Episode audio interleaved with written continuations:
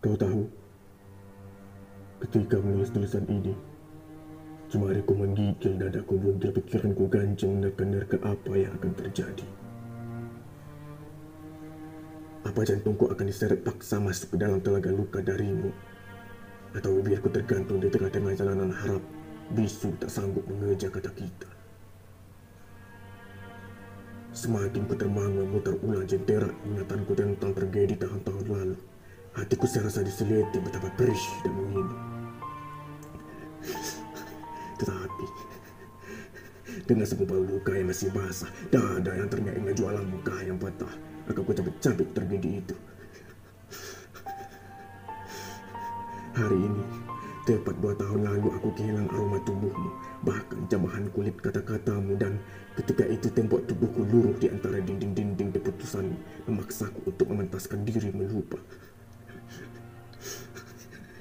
Semenjak itu, debar kehidupanku dirasuki tentangmu, mencari segala apa yang bersentuhan denganmu pada salah-salah kelopak mata senja, pada bangku kayu jati di depan rumahmu, atau bahkan pada nada sayu angin yang menyapa rintik hujan agar kau kembali dengan utuh dalam ruang dekatku. Waktu tak terasa membawaku pada hari ini. Hati yang bercucuran darah, tubuh tenggelam di dasar telaga luka bernanah, atau bahkan kaki yang patah saat mengejar rumah yang tak ramah.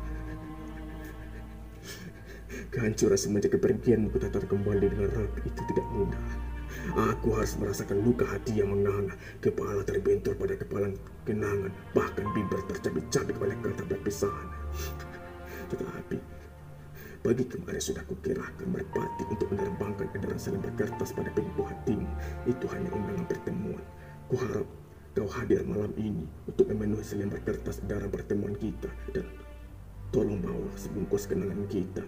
Lalu mari kita bakar segala kenangan yang begitu nelangsa pada malam yang seduh rintik hujan yang harum kita yang beku sudah saatnya kita mengakhiri semuanya agar tahun-tahun tak lagi harum sembuh dari segala sakit sebab hati juga berharga.